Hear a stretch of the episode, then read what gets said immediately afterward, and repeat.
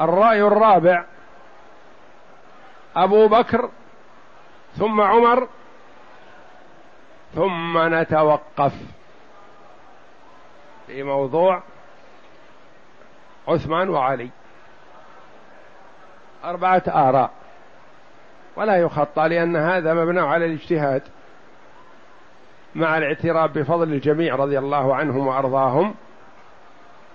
فيكون تقديم واحد على واحد أو السكوت عن أحدهم أو السكوت عن الجميع هذا مبني على الاجتهاد. وليس فيه تخطئة لأحد ولا تهجم على الصحابة رضي الله عنهم. إذن فالآراء أربعة. الرأي المشهور وهو الأولى والله أعلم أبو بكر ثم عمر ثم عثمان ثم علي حسب ترتيبهم بالخلافة رضي الله عنهم وأرضاهم. ونعرف أن هناك فرق بين التفضيل بالخلافة والتفضيل بالفضل. الترتيب بالخلافة هذا لا إشكال فيه عند أهل السنة ولا خلاف. الترتيب بالخلافة لا خلاف فيه ولا إشكال. أبو بكر ثم عمر ثم عثمان ثم علي. الترتيب في الفضل هو محل الاجتهاد. ولا يقال له خلاف وإنما هو اجتهاد رحمهم الله. أبو بكر ثم عمر ثم عثمان ثم علي. الرأي الثاني أبو بكر ثم عمر ثم عثمان ثم السكوت. الرأي الثالث أبو بكر ثم عمر ثم علي ثم عثمان رضي الله عن الجميع. الرأي الرابع أبو بكر ثم عمر ثم السكوت. يعني معناه الأربعة حسب الترتيب الخلافة. أو الثلاثة حسب ترتيب الخلافة والسكوت. أو الأربعة مع تقديم علي على عثمان في الفضل لا في الخلافة. الرأي الرابع الوقوف على أبي بكر وعمر. ويقولون ما ندخل في التفضيل بين علي وعثمان ما دام المسألة فيها خلاف وفيها اجتهاد نتوقف. ما ثبت عندنا من فضل عمر أبي بكر وعمر نقف عليه.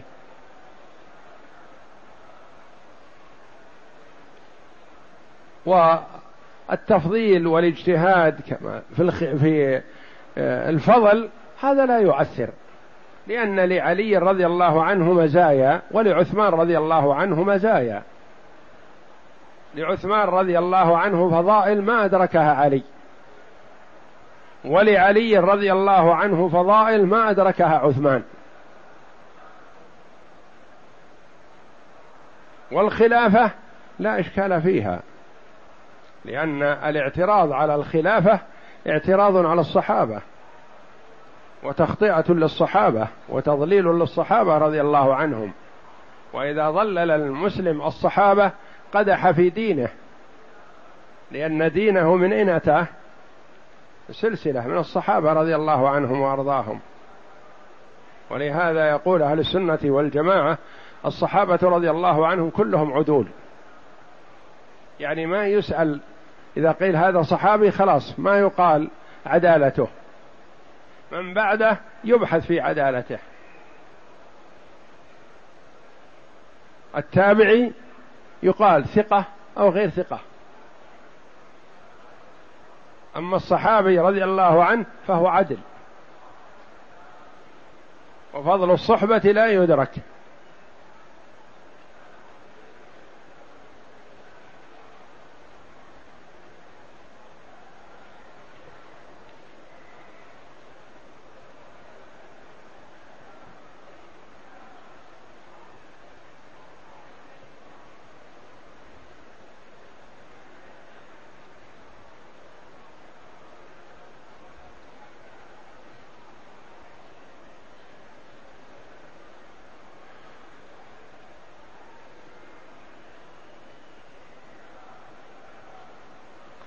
فيجب علينا أن نعتقد فضل الصحابة رضي الله عنهم عموما. ثم التفضيل بينهم. أبو بكر أفضلهم. ثم عمر. وهذا من يخطئ فيه يضلل ويعتبر ضال. ثم نأتي إلى عثمان وعلي رضي الله عنهما فجمهور أهل السنة على أن عثمان أفضل من علي. ويرى بعض أهل السنة أن علي أفضل من عثمان رضي الله عنهم وكلهم لهم فضل. ويرى بعض أهل السنة يقول نفضل أبا بكر وعمر ونقف. وبعضهم يقول نفضل أبا بكر ثم عمر ثم عثمان ونقف.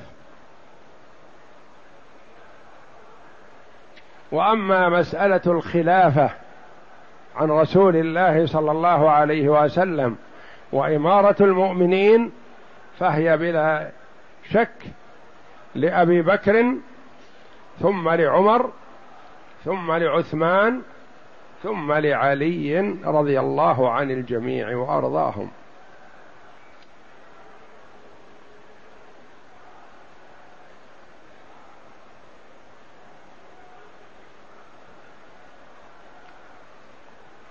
ولا يقال إن التفضيل هذا من جميع الوجوه. فأبو بكر رضي الله عنه لا شك أنه أفضلهم. على العموم.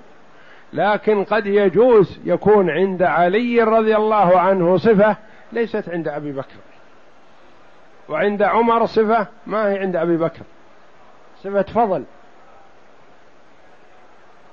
وعند عمر صفة فضل قد لا توجد عند أبي بكر ولا عند عثمان.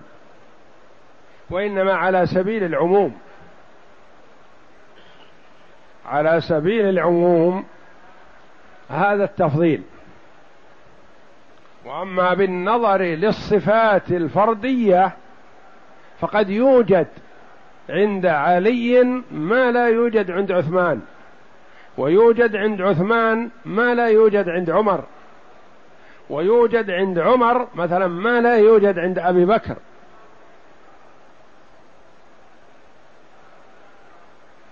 فهذه ليس على ليست من كل صفة ومن كل وجه وإنما المراد على سبيل العموم. الأفضل على سبيل العموم هو أبو بكر.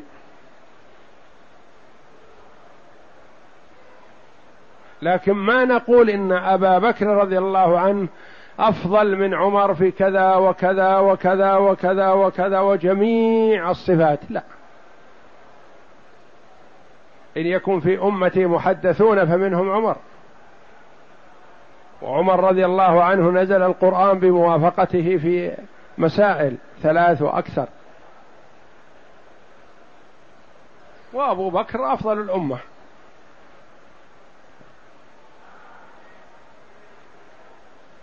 وكذلك ما بذله عثمان رضي الله عنه من المال في نصرة الإسلام والمسلمين. وتجهيز الجيوش ما أدركه غيره. وشراء بئر روما لما طلبها النبي صلى الله عليه وسلم من صاحبها أن تكون لعموم المسلمين وله الجنة. امتنع وقال هي قوتي وقوت عيالي. فلما علم عثمان رضي الله عنه بهذا العطاء سارع إلى الرجل. فاشتراها منه بغالي الأثمان. ثم جاء إلى النبي صلى الله عليه وسلم فقال يا رسول الله أتعطيني ما أعطيت الرجل في بئر روما قال نعم.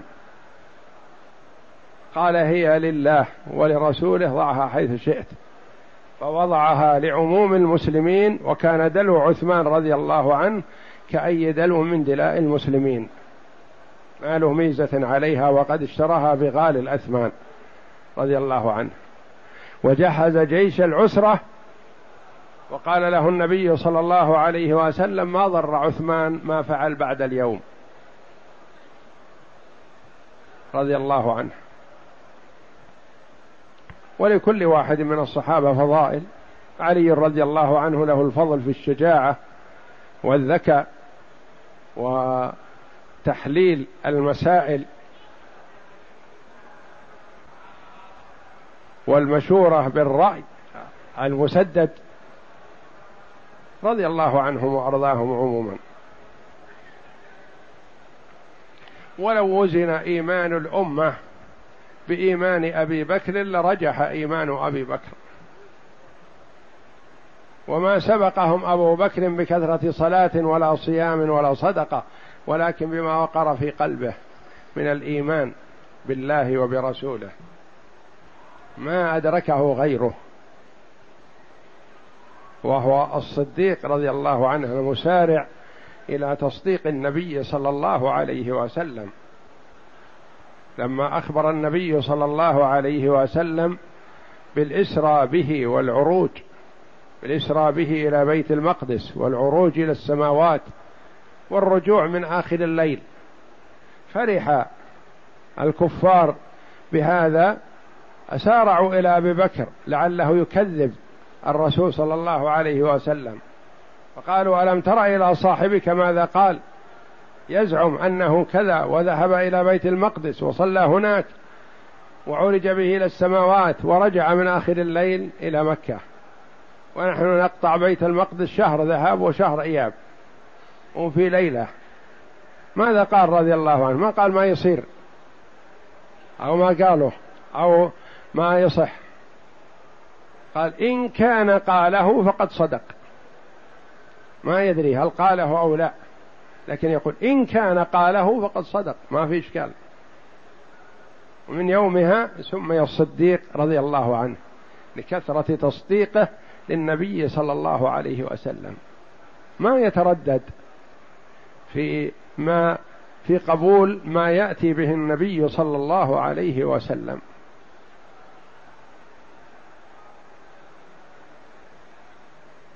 رضي الله عن صحابة رسول الله صلى الله عليه وسلم وأرضاهم. وجمعنا وإياكم بهم في مستقر رحمته إن شاء الله. اقرأ. اقرأ. وأما قوله ويؤمن ويقرون بما تواتر به النقل عن أمير المؤمنين علي ابن أبي طالب وغيره من أن خير هذه الأمة بعد نبيها أبو بكر وعمر فقد ورد أن علي رضي الله عنه قال ذلك على منبر الكوفة وسمعه منه الجم الغفير وكان يقول يعني الناس الكثير. ما هو مسموع عن علي عن فرد أو فردين أو خمسة أو عشرة وإنما على المنبر. يقول أفضل الأمة بعد نبيها أبو بكر ثم عمر. نعم.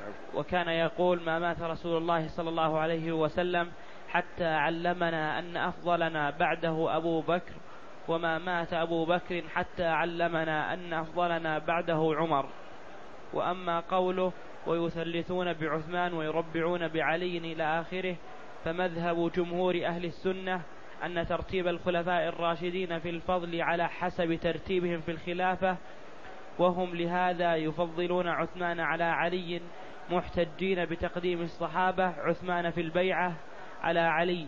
وبعض أهل السنة يفضل علي لأنه يرى أن ما ورد من الآثار في مزايا علي ومناقبه أكثر وبعضهم يتوقف علي ومناقبه.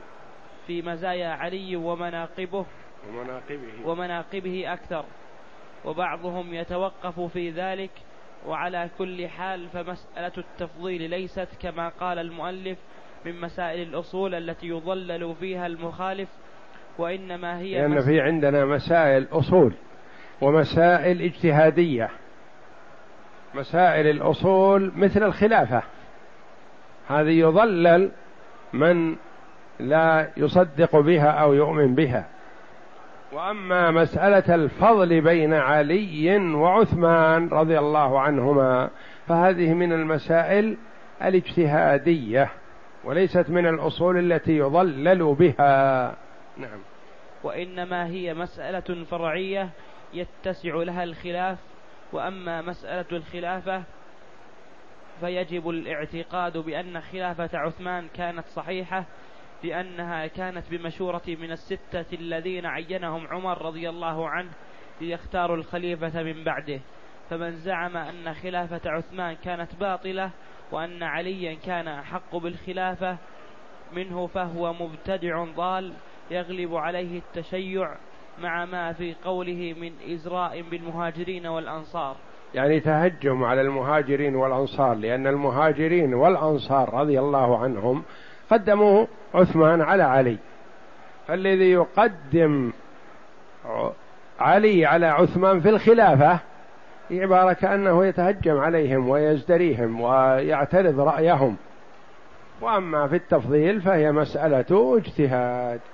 والله أعلم وصلى الله وسلم وبارك على عبده ورسول نبينا محمد وعلى آله وصحبه أجمعين.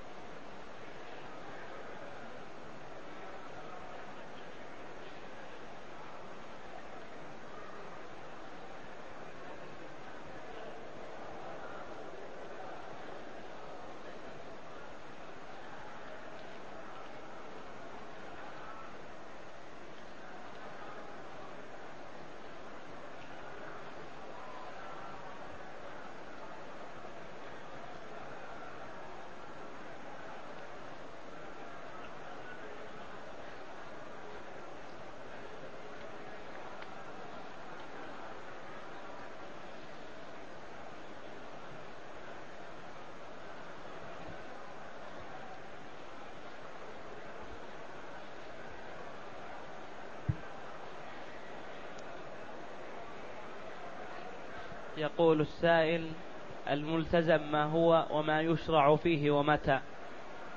الملتزم من الحجر الأسود إلى باب الكعبة شرفها الله. وقيل إلى مدخل الحجر من جهة الباب. ويقال فيه يدعو فيه المرء بما أحب من خيري الدنيا والآخرة. فهو موطن من مواطن الدعاء ومما جرب في استجابة الدعاء. ومعنى الالتزام أن الإنسان يلصق صدره وذراعيه وراحتيه وخده بالكعبة ويدعو الله بما أحب من خيري الدنيا والآخرة. والالتزام يحسن كما ذكر العلماء رحمهم الله عند القدوم وعند السفر.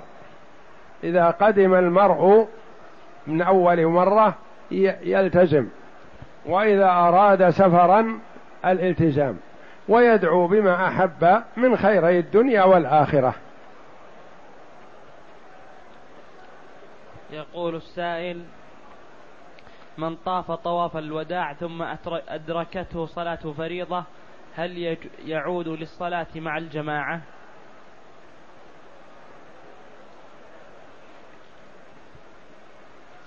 إذا طاف طواف الوداع وحضرت الصلاة فإنه يصلي الفريضة الحاضرة ولا حرج عليه ولا بأس حتى لو صلى أكثر من صلاة مثلا إذا ودع قبل المغرب ثم صلى صلاة المغرب ثم حضر الصلاه العشاء وهو لم يسافر فيصلي صلاة العشاء ولا حرج والحمد لله.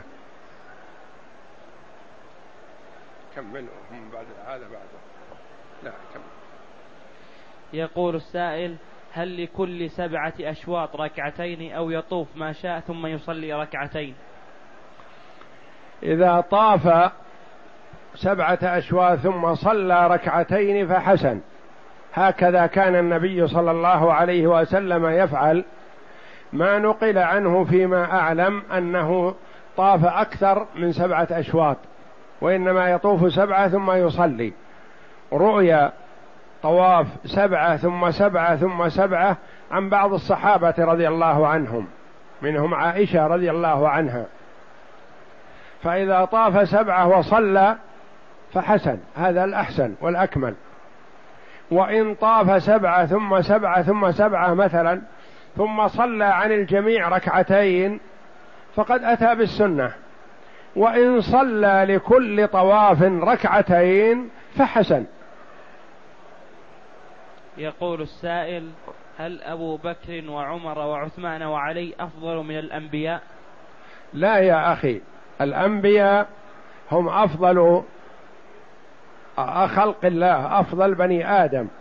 ولكن أبو بكر وعمر وعثمان وعلي نقول أفضل الأمة. نقول أفضل أمة محمد صلى الله عليه وسلم. ونقول عن النبي صلى الله عليه وسلم أنه أفضل الخلق. ما نقول محمد أفضل أمة محمد؟ لا. محمد صلى الله عليه وسلم أفضل الخلق. وهو كما قال صلى الله عليه وسلم هو سيد ولد آدم ولا فخر عليه الصلاة والسلام. يقول لا أفخر بهذا لكني أبلغكم ما منحني الله جل وعلا. فهو عليه الصلاة والسلام ما قال ما قال افتخارا وإنما لأننا لا نعلم عن الشيء الشرعي إلا من طريقه عليه الصلاة والسلام. لو لم يخبرنا أنه أفضل ولد آدم ما علمنا. منين نعلم؟ فهو عليه الصلاة والسلام أفضل الخلق أفضل بني آدم أفضل الجن والإنس. والخلاف بين الملائكة والرسل هذا مشهور بين في عند أهل السنة ولا يضللون في هذا. ثم نقول إن أبا بكر وعمر وعثمان وعلي أفضل أمة محمد صلى الله عليه وسلم. ما نقول أفضل بني آدم. فالرسل والأنبياء لا شك أفضل من أبي بكر وعمر وعثمان وعلي.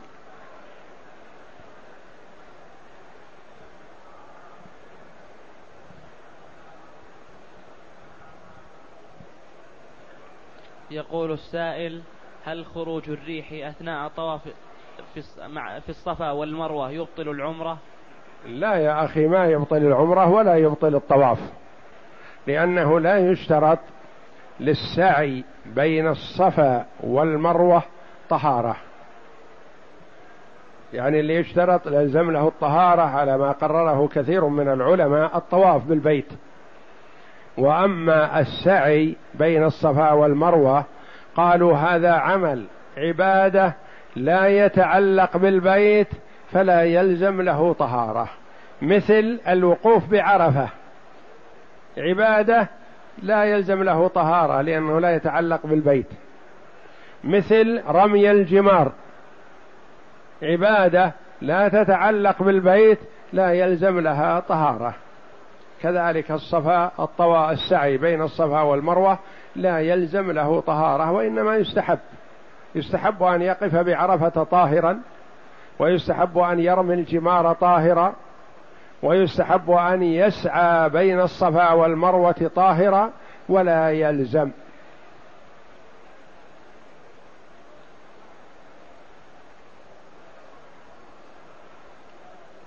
تتكرر الأسئلة بالرغبة في تكرار العمرة والجواب مني تكرر في هذا كذلك. فأقول من دخل مكة بعمرة وأداها. فلا يحسن أن يخرج للإتيان بعمرة أخرى وإنما عليه بكثرة الطواف بالبيت.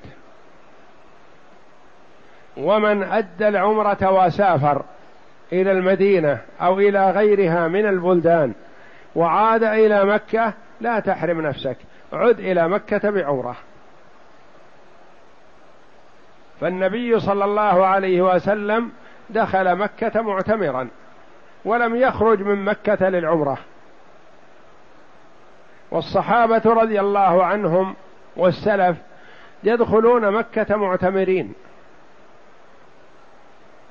ولهذا أنكر بعض السلف على من يذهب إلى التنعيم. قال هؤلاء لا أدري يأثمون أو يؤجرون.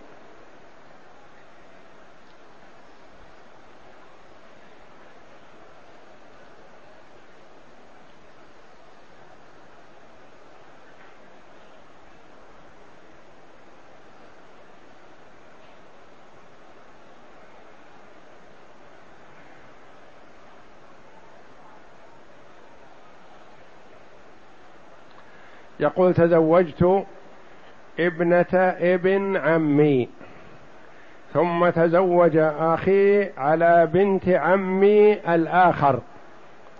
ثم توفي أخي فهل يجوز أن أتزوج زوجة أخي؟ فإذا كانت زوجة أخيك هذه تعتبر ابنة عم لزوجتك فلا بأس أن تتزوجها. وإذا كانت عمتها فلا يجوز أن تجمع بين المرأة وعمتها ولا بين المرأة وخالتها. يعني ما يجمع بين الأختين ولا بين المرأة وعمتها ولا بين المرأة وخالتها. لكن يظهر أن زوجة أخيك هذه هي ابنة عم لك